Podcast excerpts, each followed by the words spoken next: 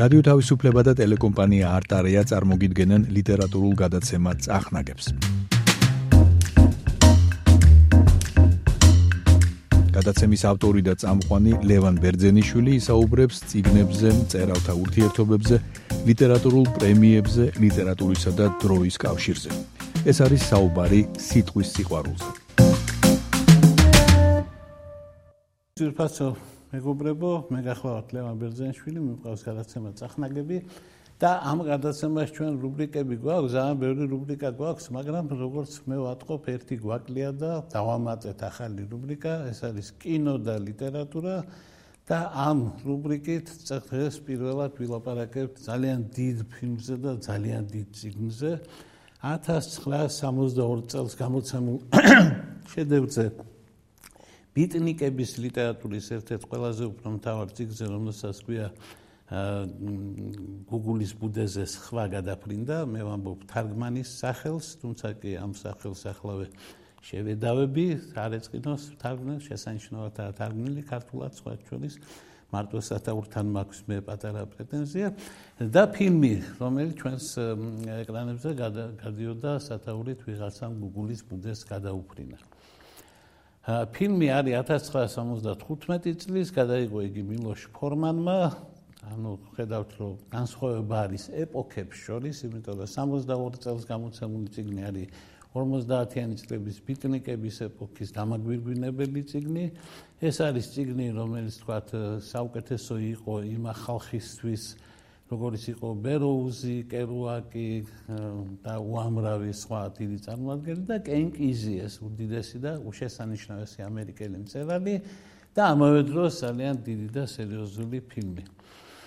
ფილმის ავტორსა და ციგნის ავტორს შორის არის კონფლიქტი, იყო კონფლიქტი, იგი არასოდეს არ გადაწყდა, ახლა არც ერთი აღარ არის ცოცხალი, აღარ ის მაგ კონფლიქტის გადაწყვეტა, მაგრამ ვინაიდან ჩვენ ვლაპარაკობთ რუბრიკაზე კინო და ლიტერატურა, ისიც უნდა ვთქვათ, რომ თავისთავად ამ ორ ხელოვნებას შორის არის კონფლიქტი. ეს ბუნებრივია. თავარი კონფლიქტი გახლავთ ის, რომ კინო გახლავთ კოლექტიური და რასაორია ინდუსტრიული შემოქმედება. კინომ უნდა მოიტანოს მოგება. ყოველ შემთხვევაში ეს ისეთი ფილმია, რომელსაც მოგება უნდა მოეტანა და მოიტანა მოგება. ნეტა კი ყველა ფილმს ისეთი მოგება მოეტანოს, როგორც მაგ ფილმმა მოიტანა, იმიტომ რომ იგი იყო დაბალ ბიუჯეტიანი და მოგება მოიტანა ძალიან სერიოზული. რაც შეეხება წიგნს, წიგნი როგორც გითხარით 1962 წელს გამოიცა და იმ წუთას გახდა შედევრი, იმ წუთას გახდა ბესტსელერი 1975 წლამდე სანამ ფილმმა გადაიღო 14 გამოცემას გაუძლო ამ შესანიშნავმა წიგნმა. რაზეა წიგნი სხვა ჩვენ სამ წიგნისთვის ჩვენ მიზღვნილი გვაქვს. თავის დროზე გადაცემა გადაცემა წიგნებში მე ვილაპარაკე ამ წიგნზე და ვილაპარაკე თარგმანებზე რომელიც არსებობდა თქვითი ახალი თარგმანის შესახებ. ახლა ხას სხვა რამეს გაუსვამ განსხვავება რაც არის წიგსა და ფილმს შორის და უნდა დავიწყოთ იქიდან საერთოდ რა ტიპის განსხვავება არსებობს ამ ორ ხელოვნებას შორის. თავარი აქ არის კითხველი და მაყურებელი. განსხვავება მკითხველსა და მაყურებელს შორის. ვინ არის მკითხველი? მკითხველი ფაქტობრივად ღმერთია. ციგნის მკითხველი ფაქტობრივად ღმერთია, იმიტომ რომ იგი იღებს ციგნის ავტორის დაწერილ კოდებს და შიფრავს მას თავის გემოზე და აშენებს იმ სამყაროს თავის გონებაში, რომელიც უნიკალურია. კაცმა რომ თქვას, რომელიმე კენკიზი წერს რაღაცა ტექსტს, დებს მასში თავის იდეებს, მე ეს გაივლის ასე ვთქვათ, არხს იმხრივ რომ გამოქვეყნება და ვიღაცის ხელში აღმოჩნდება და ეს ვიღაცა კენკიზის მიერ დაწერილს გადაიაზრებს და ხედავს და ბეჭდავს თავის გონებაში. კითხველისთვის არსებობს წარმოსახვა. მაყურებლისთვის აწარმოსახვა უნდა არსებობდეს აგერა კაცი და თუ არ გჯერა რომ აკმერფი აი ასეთია როგორი ჯეკ ნიკოლსონი მაშინ შენ ამ ფილმს ვერ უყურებ იმიტომ რომ თუ არ გჯერა და თუ არ მოგწონს ადგები და გამოხვალ ახლა იმ 7 და 10 დოლარს ამენაერად გაიმეტებ ამერიკაში თუ ხარ და ახლა სხვაგან. სხვების ფასები არც ვიცი რაც მართალი მართალია ამერიკის გარდა კინოში არ ყოფილა დიდი ხანი 1-20 წელია რაც გამოვედი არა მეტი მეტი კაცილებით მეტი ამერიკაში დავდივართ, იმიტომ ტრადიცია არის ამერიკელებს უყვართ ძალიან კინოში სიახლე. კენკიზიმ ციგნი დაწერა ძალიან ღრმა პრობლემას. მან დაწერა საერთოდ მენტალობაზე ციგნი რა მიაჩნია საზოგადოებას ნორმალურად და რა არა და როგორია ეს საზოგადოება რომელშიც ის ცხოვრობს და მან თქვა რომ ამერიკული საზოგადოება არის ცუდი საზოგადოება ეს არის გენიალური ციგნი რომელიც იბძვის ამერიკული საზოგადოების წინააღმდეგ. ეხლა ერთი წამით წარმოვიდგინოთ ვისაც ოდნავ მაინც ესმის რა არის ამერიკული კინო და რა არის ამერიკული კინო აკადემია და რა არის ოსკარი. ერთი წამით წარმოვიდგინოთ რომ ანტიამერიკული ფილმი მიიღებს ოსკარს. და იმ წუთას მიხვდებით რომ ეს ვერ მოხდება ვერასოდეს. ეხლა რომელიმე რეჟისორის ოცნება სულ არ არის ამერიკაში გადაიღოს ისეთი ფილმი, რომელშიც გარანტირებულად არ მისცემენ ოსკარს. მით უმეტეს ეს ვერ იქნებოდა ოცნება ისეთი კაცისა, რომელიც ამერიკაში ჩეხოსლოვაკიიდან ჩამოვიდა, ჩეხოსლოვაკიაში დიდი ხელოვანი იყო და ამერიკაში დღეს იმ მომენტში არავინ არაა.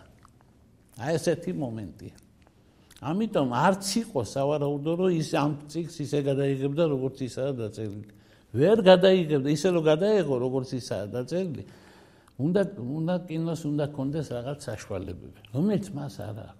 და კინოს ძალიან ბევრი საშუალებაა, ციკს არ აქვს ბუნებრივად, მაგრამ არის რაღაცა რაც აქვს ციკს, ლიტერატურა და კინოს არ აქვს. მაგალითად ეს ციგნი დაწერილია არა ნორმალური ადამიანის სახელით. ამ ციგნში ლაპარაკობს ფსიქიურად აშლილი ადამიანი, ეგრეთ წოდებული ბელადი ბრომდენი, რომელსაც ფილმშიც ნახავთ, მეორე თანრიგის როლშია. და ამ წიგნში ისაა ყველაფერი. მის გონებაში იხარშება ყველაფერი. ეს არის წიგნი მოთხრობილი დაახლოებით ისე, როგორც ფოლკნერის ხმაურიდან ძინვარების პირველი ნაწილი, რომელსაც ყვება ბენჯი. ну бенჯი გიჟი არ არის, бенჯი იდიოტია, მაგრამ აი იდიოტის მიერ მოთხრობილი ამბავი რო არის, ცხოვრება როგორც თქვა შექსპირმა ჰამლეტში მაგბეთში ზუსტად ისე ეს არის იდიოტის მოთხრობილი ამბავი არა მაგრამ გიჟის მოთხრობილი ამბავი. ამიტომ ეს სიგნი არის ძალიან ჰუმანისტური. და თუ კი ვინმეს ყვავილები ელჯერნონისტვის წაუკითხავს და გული ოდნავ შესტოკებია ხო ის ის გული კარგად უნდა მოამზადოს. მან კენგიზის წასაკითხად იმიტომ გული ისე კი არ შეურტოკდება როგორც ელჯერნონში არამედ ბევრად უფრო მძლავრად. იმიტომ რომ ის უცებ მიხვდება რომ ეს გიშები არ იმსახურებენ იმას როგორც მათ ექცევიან. ხო, აი იმისთვის არ დაბადებულ ადამიანი რომ სამი შავკანიანი მარტო იმაზე გამწარებული რომ მისი წინაპარი დაჭაგდეს და საერთოდ შავკანიანებს ჩაგდავენ, ამიტომ დაგიჭერს აგერ გიშთებს და დედას გიტილებს. ამისთვის არ დაბადებულ ადამიანი. ხო, ციგნი ანტირასისტული ბუნებრივი არ არის, თუმცა ეგეს დაბრალდა. ოღონდ ციგნი არის ნამდვილი. მე იშვიათად წამიკითხავს ასეთი ნამდვილი ციგნები, იმიტომ რომ ეს ციგნი ჩემთვის ნაცნობი გარემო არის ეს ციგნი არის ზუსტად ის როგორც ჩვენთვის იყო ლიტერატურა ლიტერატურა რომელიც არის ოპოზიციაში მაგალითად საბჭოთა ხელისუფლებისგან ხო და ის არ არის საბჭოთა ხელისუფლების კაი ქვეყანა ამერიკა და იმის წინააღმდეგ არ უნდა იყოს თითქოს მაგრამ ქვეყანა ქვეყანაა მწერალი მწერალია წერალი არის ოპოზიციაში ერთ-ერთი მთავარი ნიშანი განსხვავება ლიტერატურასა და კინოს შორის არის ის რომ ლიტერატურა უფრო ხშირად ოპოზიციაშია და კინოს უმრავლესობის აზრს თუ არ გამოხატავს, უმრავლესობა ფულს არ გადაუხდის. ამიტომ აქ ისეთი პრინციპული სხვაობა, რომ ბუნებრივია სულ სხვადასხვა ხელოვნება. ამ კონკრეტულ შემთხვევაში როგორც გითხარით ეს მოხდა, შესანიშნავი ციგნია, როგორც გითხარით, გარდატეხილი არის ყველაფერი, ადამიანის გონებაში და რა არის? ჩაკეტილი სამყაროა სადაც არიან გიჟები და უცებ აღმოჩნდება ნორმალური ადამიანი და ნორმალური ადამიანი გიჟებში ბუნებრივია ვერ გაძლებს და მოხდება კონფლიქტი. ციგნის ერთ-ერთი უმძლავრესი სახე გახლავთ ის რომელიც როლი ასე შესანიშნავად შეასრულა ფილმში ლუის ფლეტჩერმა მილდრედი ეს გახლავთ რეჩედი მილდრედ რეჩედი არის მედდა რომელმაც მთელი თავისი ცხოვრება იცის, რომ დიდ და სწორ საქმეს ემსახურება. რომელიც აბსოლუტურად დარწმუნებულია თავის სიმართლეში და რომელიც მას რო უთხრა რომ სატანასთანაა შეკრული და ეშმაკის საქმეს აკეთებს დედამიწაზე ვერ გაიგებს. არადა არის სუფთა სახის 100%-იანი პოროტება. ანუ სახელმწიფო. აი ამერიკული სახელმწიფო კენკიზისთვის გაგებული აი ამ შესანიშნავად გამომეტყველ და ნას და აუღელვებელ და ძალიან სერიოზულ ქალშვილს, რომელსაც ჰქონდა შანსი ეს რომანი დაემთავრებინა შუაგზაზე. ეთქვა სიმართლე, რომ ჯანმრთელი არის და გაუშვა ჩვენი არ არის ეს პაციენტი და მან თქვა არ გაუშვათო ჩვენ უნდა მივხედოთ და სხვა და მე რაც მოხდა თქვენიც. აი ასეთი ციგნი გამოიცა 1962 წელს და მოიპოვა ძალიან დიდი პოპულარობა. ესა ციგნი თავისუფლების შესახებ. ისე როგორც ბიტნიკების სხვა ციგნები იყო თავისუფლ მაგალითად იყო სექსუალური თავისუფლების შესახებ ეგრეთ წოდებულ პრომისკუიტეტზე რომელიც გადასარევი სიტყვა რო იტყვი კაჩვილი არ გედაება და რო გაიეტყვი რა იგულისხმება რომ ნებისმიერ ადამიანთან ნებისმიერ დროს როცა გაგიხარდება თავისუფალი სექსი იგულისხმება მე რა ყველა ღილოს ეს პრომისკუიტეტი რა უბედურება ყოფილა მოკლედ თავისუფლება მოძრაობა გადაადგილება ბიტნიკების საყვარელი ამბები არის აქ საფრთხეში, იმიტომ რომ ამერიკის სახელმწიფო ესენებიც ნებისმიერ სახელმწიფო აღჭობს ნებისმიერ თავისუფლებას. ასე ციგნი გამოიცა და გახდა პოპულარული. მაშინვე ერთმა ძალიან ჭკვიანმა კაცმა, რომელიც ახლა ხან მე ვერ ვიტყოდი მოულოდნელად მეთქი ძალიან დამსახურებულად იცხოვრა და დიდხანს იცხოვრა საუკუნეზე მეტხანს იცოცხლა შესანიშნავმა ამერიკელმა მსახიობმა, რომელიც თვითონ არის თავისუფლების სიმბოლო, იმიტომ რომ დიდმა რეჟისორმა კუბრიკმა იგი გადაიღო ფილმში სპარტაკი და სპარტაკი არის თავისუფლებასთან მებრძოლი სიმბოლო, ასე ასეა გადაღებული, ასეა დაწერილი და კერკ დუგლასი გულისხმობა, რომელმაც დაინახა ეს ნაწარმოები და აფასა ეს ნაწარმოები და დაუფასოთ რომ მიხვდა და იყიდა მასზე კინო და სასცენო უფლებები 47000 დოლარად. ამის შემდეგ იგი სახელმწიფო დეპარტამენტის ასე ვთქვათ პროგრამით მოულოდნელად აღმოჩნდა ჩეხოსლოვაკიაში. სადაც ახლა ვინ შეხვდებოდა ამერიკელ კინომსახიობს, რა თქმა უნდა, კინოს ხალხი. ისევ და აი შეხვდა იგი შემთხვევით მილოშ ფორმანს, რომელიც მაგდრო ჩეხოსლოვაკიაში ნომერ პირველი რეჟისორია, მაგრამ ფილმებს არ აღებინებენ, იმიტომ რომ ანტი სუდათაა განწყობილი 68 წლის მერე უმეტესი. და ეს მერე ხდება.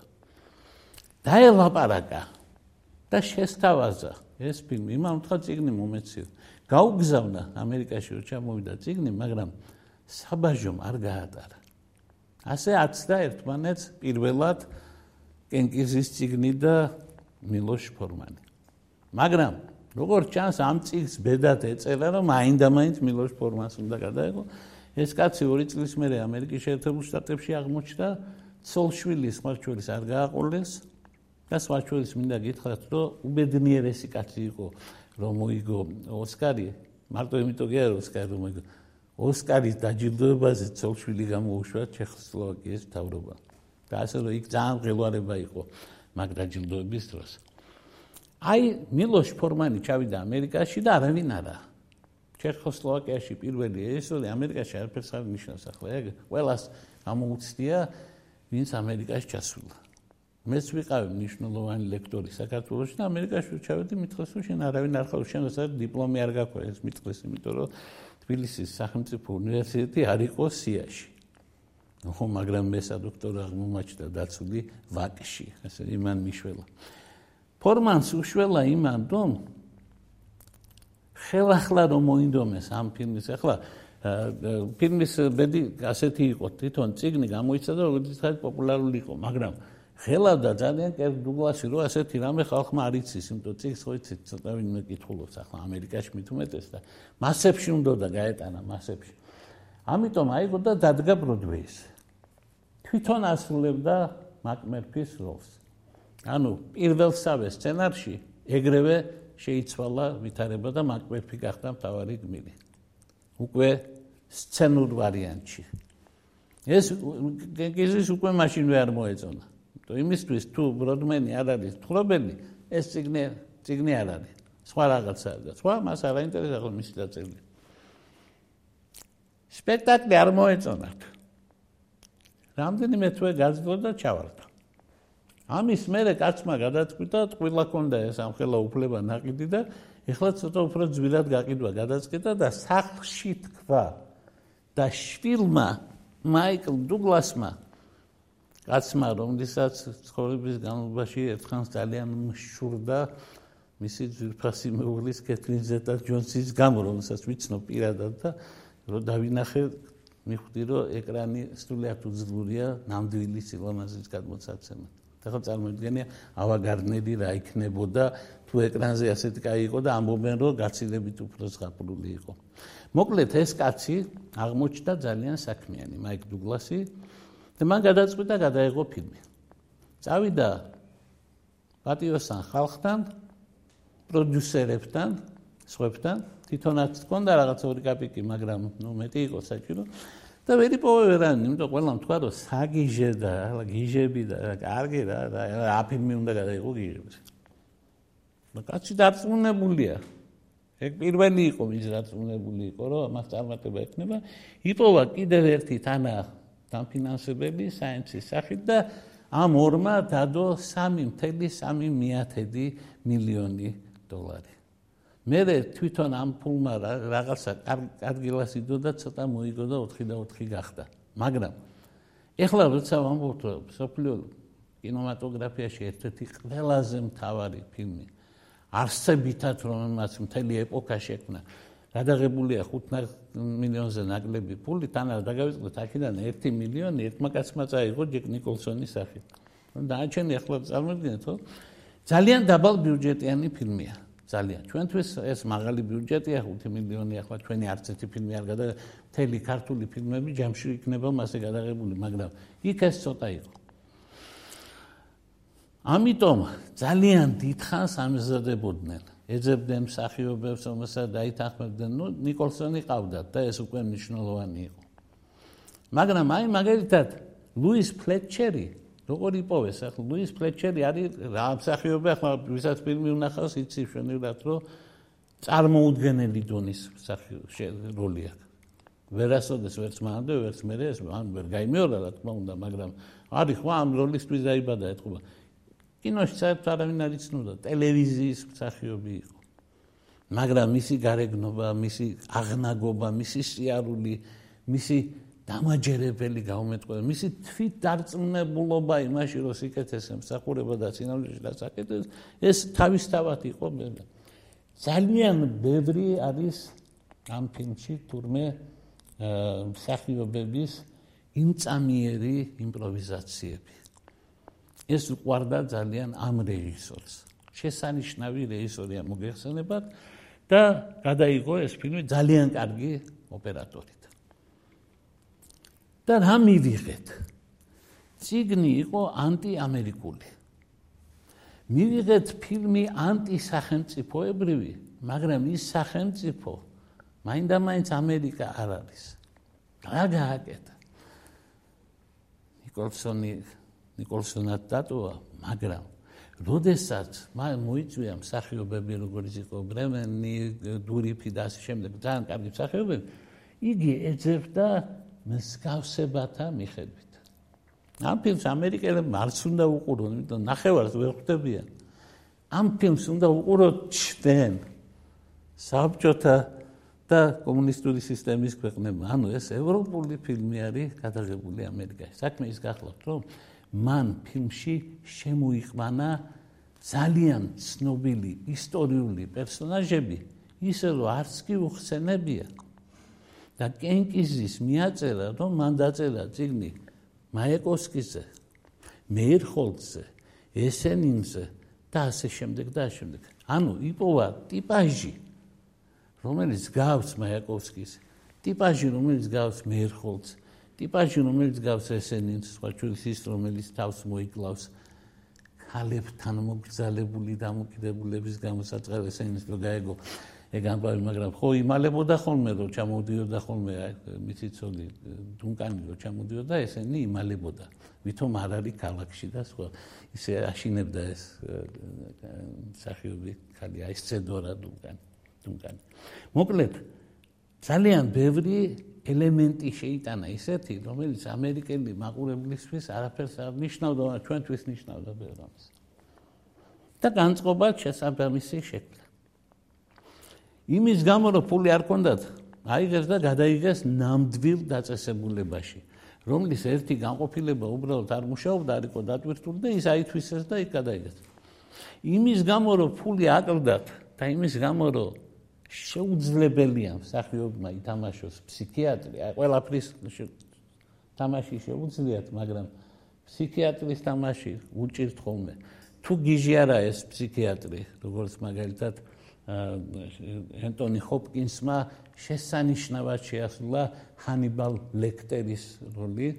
სხვა ჩვენის შემიძლია დავაანონსო მაგ წიგნზე და მაგ ფილმზეც აუცილებლად ვილაპარაკებთ. მომავალში ეს გახლავთ კრავთა დუმილი, ეს ასევე შესანიშნავი წიგნის შესანიშნავი ეკრანიზაცია.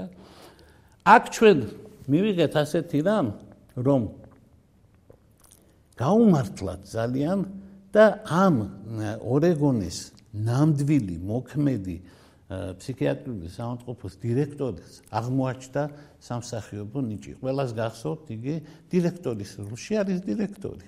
და იქ ნახევარი, ნახევარი სტაფი, სტაფი, ვინც თამაშობს, იგი ნამდვილად იქ მუშაობს. ამიტომ ისინი ძალიან დამაჯერებლები არიან, ბუნებრივი. საერთოდ არ უნდა და გარეთა სცენების გადაღება, როგორც ამბობენ, მაგრამ მოუწია და გადაიღო და არ შექონდა ფილმში და მე მაინც შეიტანა ფილმში თევზაობის და ეს უწყინვალესი ეპიზოდია, იმიტომ რომ როგორ გაიპარნენ, როგორ გავიდა, როგორ ნახეს თავისუფლების ფასი. ციგნი ძალიან სერიოზულად განსხვავდება ფინალში. ხო, რა თქმა უნდა, მაკმერფის ციგშიც იგივე ბედიელის მაგრამ ის რომ პრომდენი გავა არ არის არანაირი ოპტიმიზმის საფუძველი ციგში ციგნი ძალიან სევდიანად თავდება და ძალიან ბნელი ასე ვთქვათ ამ თვალსაზრისით ციგნია ის რომელიც ახლა მასავით გადაიგო რა ქვია სიმფონიასავით გადაიგო რომ გაანგრია კედელი და იქ მაიაკოვსკის სახიანმა გააკეთა თავისი მოძრაობა და იქ ყველამ გაიხარა აერო სისტემა ინგრევა. სისტემა უნდა დაინგრეს ეს გააკეთა ფილმმა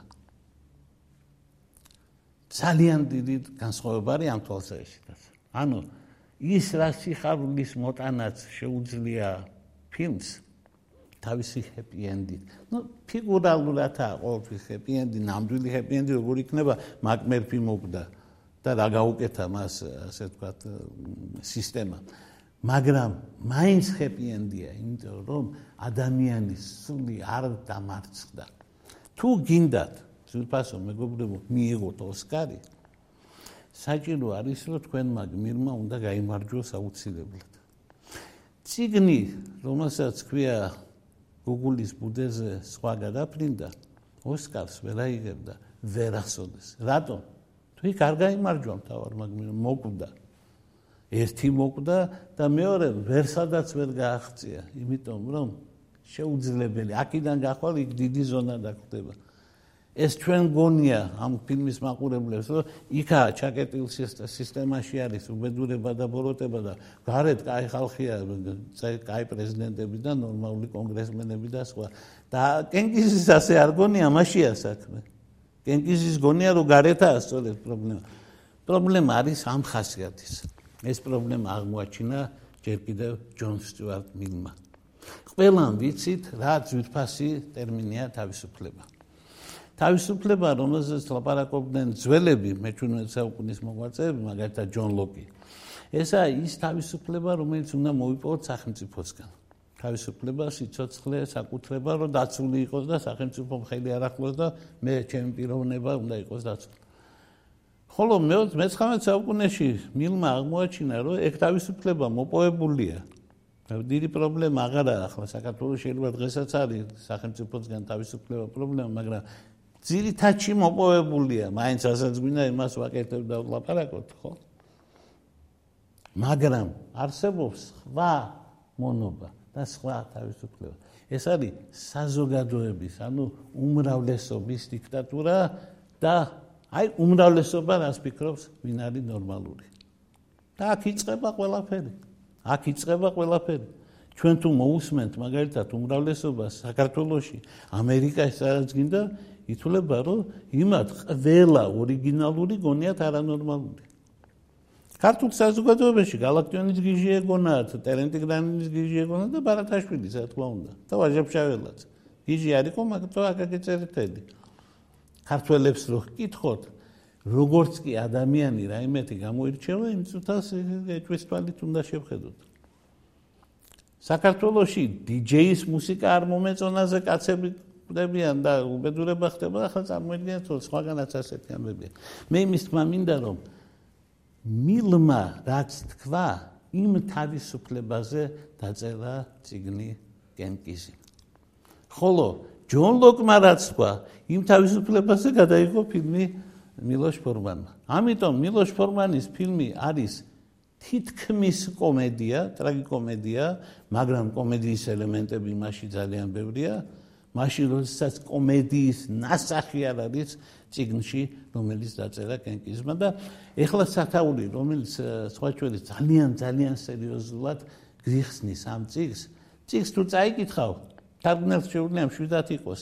ციგს თუ წაიკითხავ შიგნის წერია ეგ რასაც მე ახლა ვიტყვი.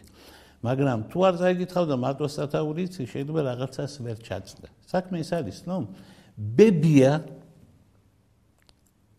ბროდმენის ბებია ამბობდა ძველ ლექსს და პრობლემის ესე დანიშნულ გონებაში ეს ლექსი არის ჩარჩენილი. გიჟებს უყვართ ბავშვობის დროინდელი ლექსები, ჯერ კიდე შექსპირმა იცის.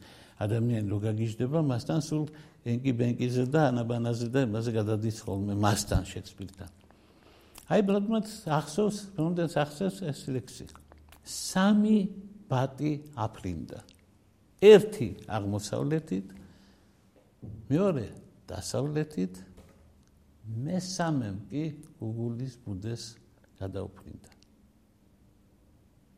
ანუ ერთი აქეთ, ერთი აქეთ და one flew on over cuckoo nest და ერთმაც მესამემ გადაუფრინდა ეს არ ჩანს ამ სათაურში.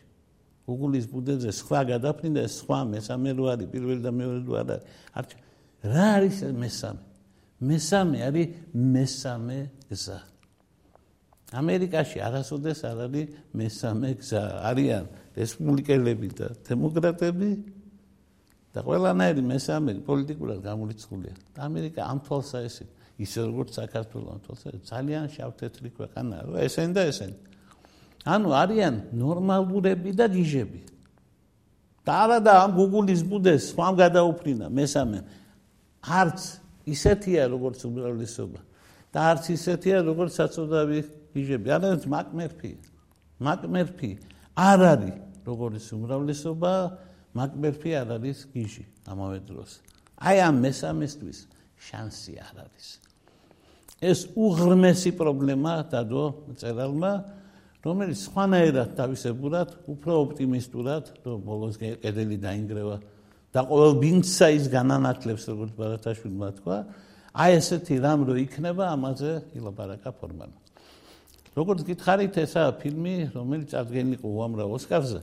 ოსკარების რიცხვით მას ბევრმა ფილმმა აჯობა, აღებული ოსკარებზე. მაგალითად, ისეთმა ფილმმა, როგორც არის თქვა, ტიტანიკი და სხვა 11 ოსკარით, მას ამან მარტო 5 აიღო. მაგრამ გაიმეორა ოსკარების მსოფლიო რეკორდი. 1934 წელს ერთი ფილმია გადაღებული, სათაურს აღარ ვამბობ, იმიტომ ერთ დღეს მომხდარი ამბავ ესე ქვია დაახლოებით, მაგრამ გინდა ნახეთ, გინდა არა. ვერ მიხვდებით რაში წაიღო ხუთი ოსკარი, მაგრამ ის იყო პირველი და 75 წლამდე ერთადერთი შემთხვევა, როდესაც ფილმმა აიღო ხუთი ოსკარი ხუთ ყველაზე მთავარ ნომინაციაში. ანუ საუკეთესო ფილმი, საუკეთესო სცენარი, საუკეთესო რეჟისორი, საუკეთესო მამაკაცი, საუკეთესო ქალი. ხუთი თავარი ნომინაცია. ხუთივე აიღო ამ ფილმმა.